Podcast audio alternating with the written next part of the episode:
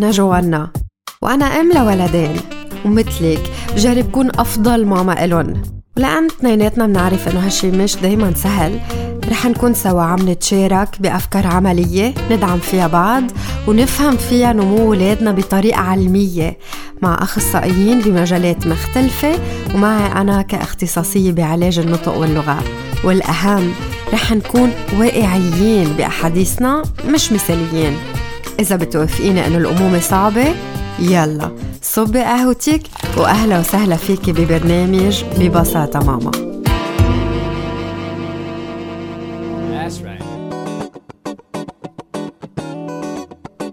مرحبا مستمعينا مبسوطة أكون معكم بالحلقة 57 من ببساطة ماما.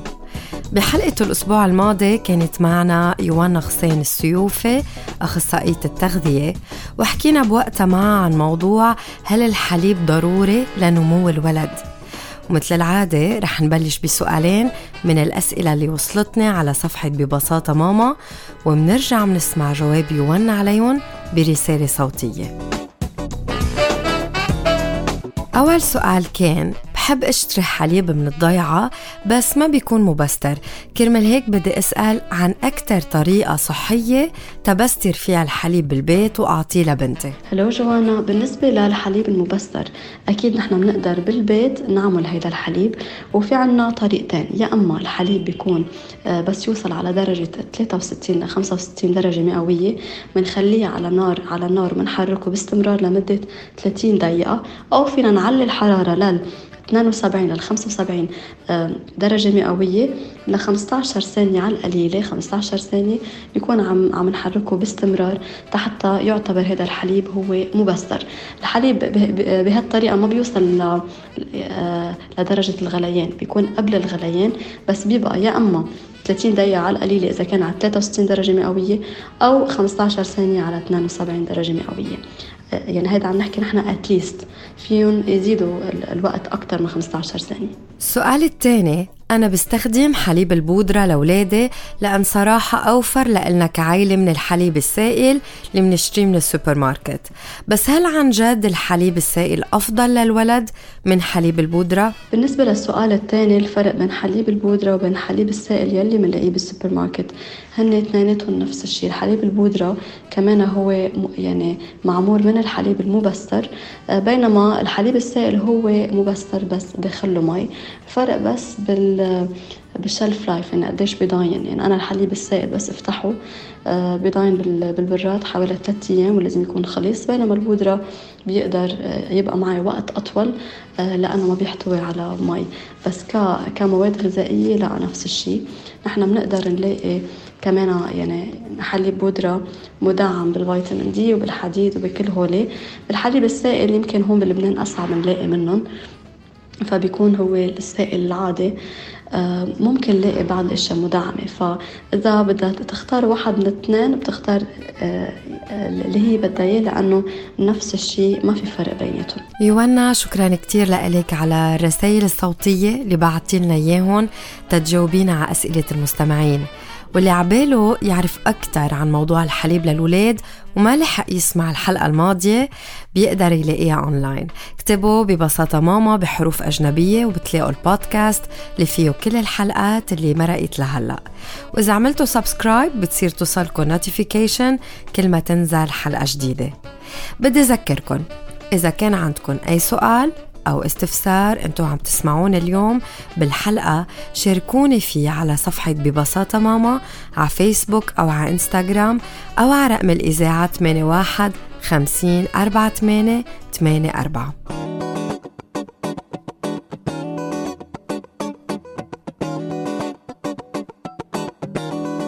أول ما بلش غدي ابني الصغير يطلع وينزل على الدرج لحاله كان يضل عم بيراقب أصغر التفاصيل اللي عم يعملها وين مهدى إيده كيف أجره عم تطلع والدرجة اللي عم ينزل عليها. تركيزه كله على هالمهمة وبس. وهلأ صار بيطلع وبينزل بلا ما يهدي شي ولا حتى بيطلع على الدرج. بيقدر حركته وبيتوازن بلا ما يكون عم بيركز على كل تفصيل عم ينعمل. الحس العميق والجهاز الدهليزي. موضوع حلقتنا لليوم مع أميمة شامي لمع اختصاصية بالعلاج الانشغالي والمتابعة النفس الجسدية.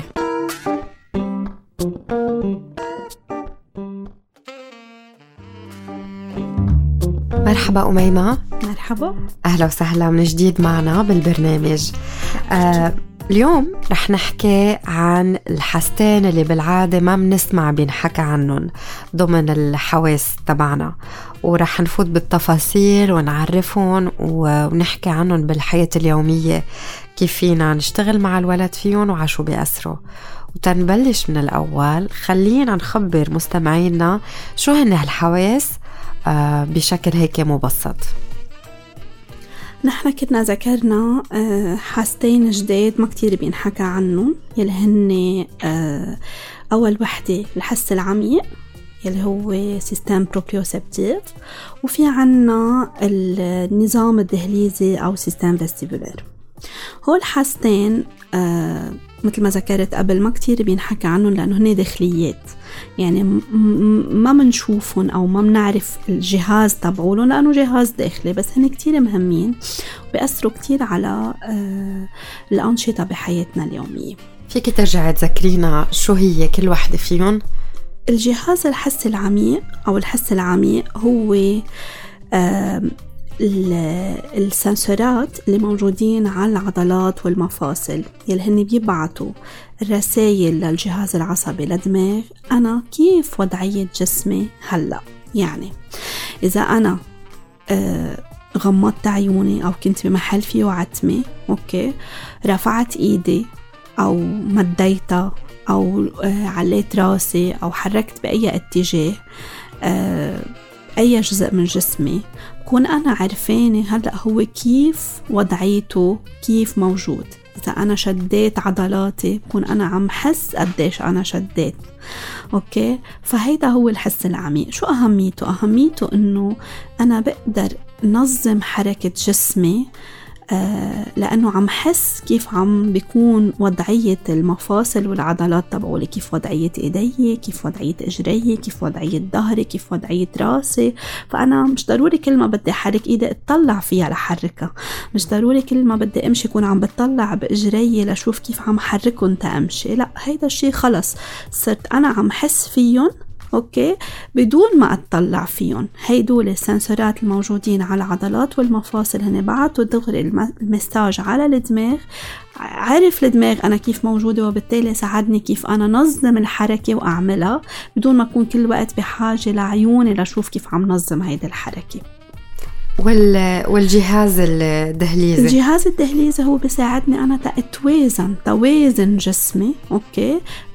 خلال الحركة. يعني أنا لما بدي أمشي بدي نظم الحركة بس بذات الوقت بدي توازن بدي وازن حالي لحتى أكون عم بعملها صح أكون عم بمشي صح أو أكون عم بطلع على الدرج أو أكون عم نط إلى آخره من هيدي الحركات اللي بدها توازن. فالجهاز الدهليزي هو بيساعدني تا أنا حافظ على توازني خلال الحركة آه، اللي, اللي عم بعملها. عشو بيأثروا هول الحواس؟ وليش مهم تحفيزهم؟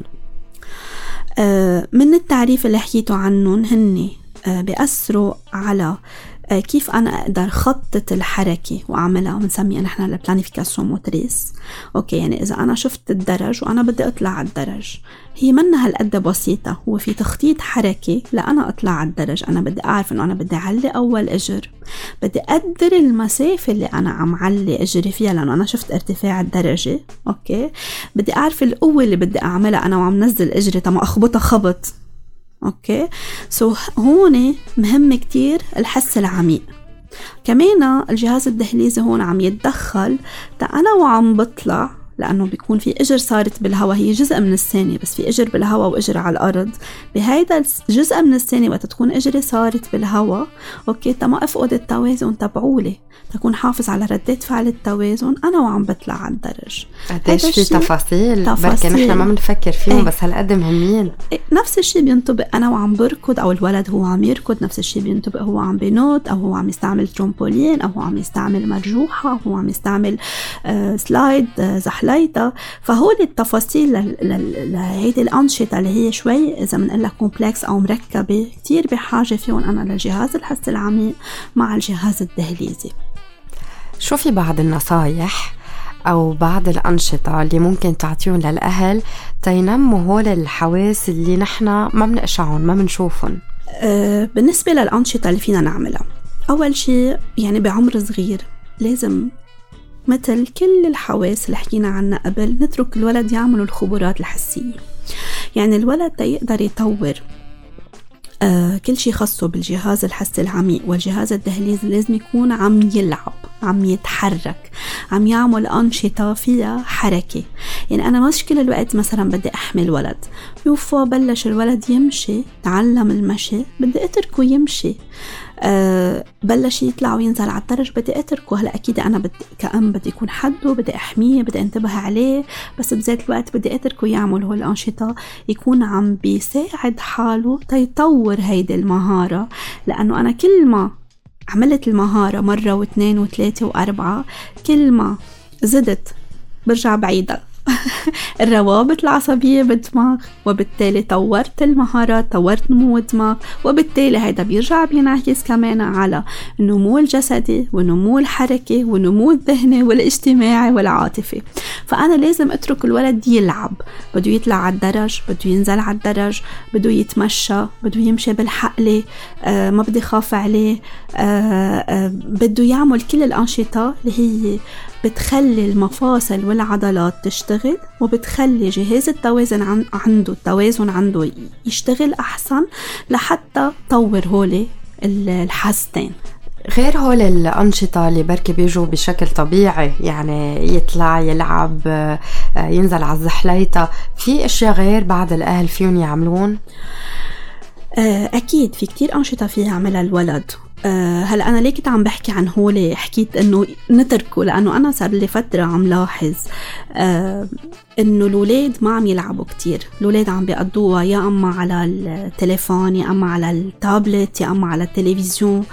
فمشان هيك إنه عن جد نترك الولد يلعب. وأكيد في كتير أنشطة فينا نعملها. في الولد على القليله مرة بالأسبوع يروح يظهر على محل يقدر يلعب هول الألعاب. يا أما بجنينه برا بالحقلة بالجنينة بالجبل. يا أما يروح على محل فيه آه هيدي الألعاب اللي هي فيها هيدا التحفيز الحسي اللي فيه المرجوحة والزحليطة والترامبولين. يعني حسب بالنهاية كل أهل هن بالمنطقة أو المكان اللي هن عايشين فيه المتاح لهم يعني. بس لازم يكون في at least نوع من الرياضة ينعمل. الولد وقت يكبر شوي صغيره كمان at least مرة بالأسبوع يكون عنده نوع من الرياضة سباحة آه basket أي شيء أي شيء هو بحبه الولد أو الأهل بيكون متاح لهم لازم يعمل نوع من الرياضة لأنه أي نوع من الرياضة هو هو بيساعد إنه نطور هول الحاستين عند الولد. ليش معقول بعض المرات نلاقي في صعوبة على صعيد هول الحواس إن كان الحس العميق أو الجهاز الدهليزي؟ مثل ما حكيت كمان قبل عن حاسة اللمس في عنا آه شغلتين. يا أما يلي هو نقص الخبرات الولد ما تعرض للتحفيز الحسي بسبب ال quality of life اللي عم نعيشها هلا انه الولد عم بيكون كل الوقت محمي أو على ال screen أو ما عم بيعمل رياضة أو أو إلى آخره. فهيدا نقص الخبرات بت بت بتخلي إنه ما يتطوروا كتير هول الحاستين. أو كمان إذا في عندي نوع من الاضطرابات مثل اضطراب طيف التوحد مثل في شيء اسمه sensory processing disorder هو اضطراب التكامل. الحسي كمان هيدا بخلي إنه الحاستين ما يكونوا عم يشتغلوا مزبوط. وبالتالي هيدا الشيء رح يأثر على كتير مهارات تانية بحياته اليومية للولد. كيف معقول الأهل يلاحظوا إنه في مشكلة فيهم؟ هلا من الأشياء اللي ممكن يلاحظوها الأهل إنه الولد مثلا بيتفركش هو وعم يمشي. إذا طالع على الدرج بخبط بحفاف الدرج ما بيعلق إجره المسافة المضبوطة آه بيتفادى إنه يلعب هيدول الألعاب. بيتفادى إنه مثلا يروح على محل فيه آه مرجوحة آه فيه زحليطة بخاف كتير من أي شيء فيه موفمنت فيه حركة. بيتفاداهم بخاف كتير. وهذا الشيء بيتكرر مش إنه مرة أو مرتين مش إنه إذا شجعناه بيرجع بكفي لا بضل يتفاداهم. بشكل متكرر يعني فبيكون أنا في عندي آه، ممكن يكون في مشكلة بهيدي بهول الحواس إنه عم يتفادى الألعاب اللي فيها بيضطر فيها إنه يتوازن عم يتفادى الألعاب اللي بيضطر إنه فيها يعمل آه، تخطيط حركي planification motrice فهون بدي أشوف أنا إنه ممكن يكون في عنده مشكلة. أو أحيانا بنلاحظ إنه الولد بحب كتير ينطنط. بشكل كتير اكزاجيري بحب كتير إنه يخبط بالأشياء بحب كتير إنه يخبط حاله مثلا بحيط أو بشيء أو هيك. بيكون عم يعمل seeking behavior اللي حكينا عنه قبل بحاسة اللمس. هو عم يطلب هيدا الانبوت عم يطلب هيدا ال ال ال يعني الاكتفاء الحسي لحتى آه، يشبع هيدي الحاسة وبالتالي يحس حاله إنه هو مرتاح. هول الحاستين مهمين كتير لأنه هن آه عشو بيأثروا بالضبط؟ لما يكون آه في مشكلة بهول الحاستين بصير في عندي أنا ضعف بالانتباه بيكون في عندي ضعف بمدة التركيز بيكون في عندي آه ضعف بالإدراك البصري الانتباه البصري والإدراك البصري كمان نفس الشيء بالانتباه السمعي والإدراك السمعي. فهولي وين رح يأثروا؟ وين رح شوف أنا تأثيرهم؟ كمان غير الأشياء الحياتية اللعب والتصرفات اللي هي خاصة بالأشياء الجسدية رح شوفهم عم بيأثروا ب آه، التحصيل المدرسي. وقت الولد يصير كمان بمدرسة وبلش عم بياخد الأشياء التعليمية ممكن يأثروا على مثل ما قلنا مدة الانتباه. آه، والت... يعني على الانتباه ومدة التركيز البصري والسمعي آه رح يأثروا على القراءة رح يأثروا على الكتابة رح يأثروا على قديش وقت بيقعد بالصف لأنه وقت مثلا بصيروا يتشكوا إنه هيدا الولد ما بيقدر يقعد وقت طويل بالصف بصير يقوم ويقعد ويتحرك وينطنط على الكرسي ويزيح الكرسي ويزيح الطاولة. هون بيكون عم يعمل seeking behavior تبعوله.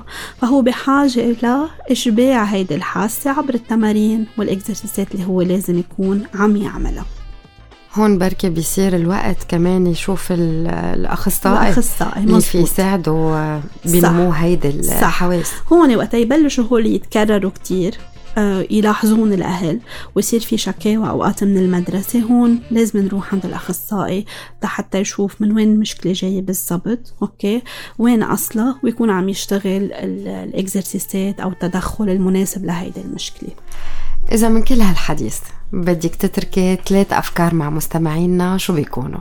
أول شي فينا نترك الولد من هو صغير يعمل خبرات حسية قد ما بيقدر لازم عن جد آه، يعني نشجع الولد إنه يلعب يستكشف يتحرك. آه وين ما في مجال إنه يكون عم يلعب ويتحرك ويعمل اكزرسيسات نعطيه هيدي المساحة ونعطيه هيدا المجال ونبعد قد ما فينا عن السكرين عن جد لأنه هيدي الفترة عم نشوف مشاكل كتير كبيرة من وراء التليفون والتابلت وكل هول الأشياء لأنه الولد ما عم ما عم يتحرك عم بيكون كل وقت بمحلات قاعد بس عم يتلقى من التليفون ومن التابلت. هيدي أول نقطة.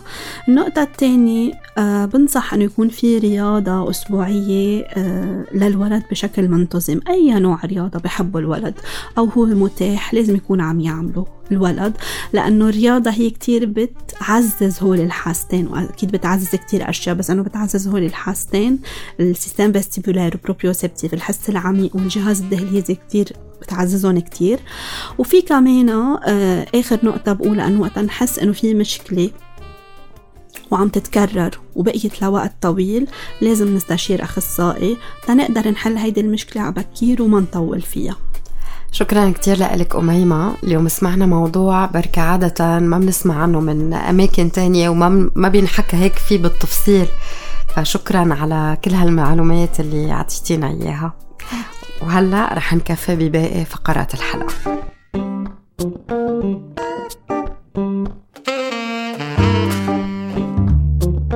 في كتير أنشطة شاركتنا فيهم أميمة تنساعد الولد ينمي الحس العميق والجهاز الدهليزي.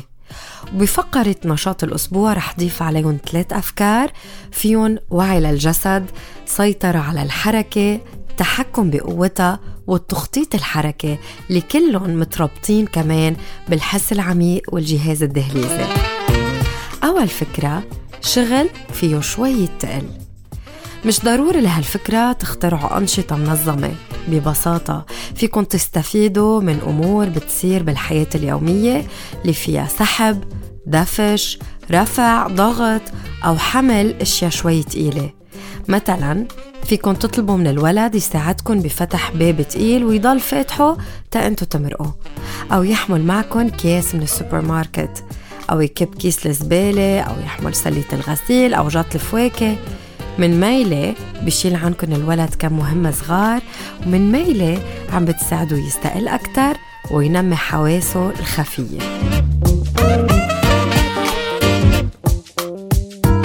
تاني شي الحركات الواعية. لعبوا مع الولد Simon Says اللي فيها لازم يعمل حركة بتقولوا له إياها من بعد ما يسمع عبارة سايمون ساز أو اختاروا أنشطة فيها تقليد للحركة مثل لعبة المراية اللي بتقلدوا فيها حركة بعض بنفس السرعة ونفس الدقة كأنه حدا مراية التاني بهالطريقة بتساعدوا الولد يكون عنده إدراك نشيط لوين هو موجود بالمكان وكيف عم بيتحرك فيه. وآخر شي تجميع لأنظمة حسية. احملوا الولد غمروه. هو على حضنكم أو هزوه بالكرسي الهزاز. طلبوا منه يغمر حاله ويشد أو يشد على إيده اليمين بكفه الشمال أو على زنده الشمال بإيده اليمين. هالأنشطة كمان بتشغل الأنظمة الحسية عند الولد اللي فيها بالتالي تكون عم تدعم الحواس الخفية. في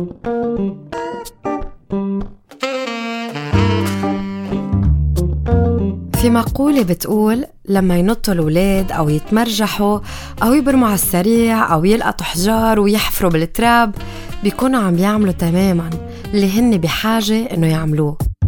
لما نعطي لأولادنا مساحة تيلعبوا ويكتشفوا قدراتهم بلا ما نضل خايفين عليهم ونقول لهم وقفوا وانزلوا وما تعربشوا. بتكون عم تنمى عندهم الحواس الخفية اللي حكينا عنها اليوم الحس العميق والجهاز الدهليزي. وبالتالي بنكون عم نساعدهم يحسوا بأمان أكبر بهدوء وبسعادة. وهيك بنكون وصلنا لنهاية الحلقة. من كل شي حكيناه جربوا بلشوا بتطبيق شي واحد لأن التغيير اللي عن جد فيه دوم هو عبارة عن خطوات بسيطة واضحة تاخدوها بحياتكم اليومية. إذا عندكم أسئلة أو أي استفسار ممكن تتواصلوا معي على رقم الإذاعة 8150 4884 أو تبعتوا لي رسالة على صفحة ببساطة ماما إن كان على فيسبوك أو على إنستغرام. شكرا. انه انضميتوا لبرنامج ببساطة ماما هون على الراديو على ال Be Light FM 105.7 أو على البودكاست اللي متوفر على كل الأماكن اللي بتسمعوا عليها البودكاست اللي إنتم متابعينهم. بتمنى لكم أسبوع مليان استكشافات حسية لإلكن ولأولادكن. بنرجع بنلتقى الثلاثة اللي جاية على ال Be Light FM 105.7 على الساعة 11 الصبح.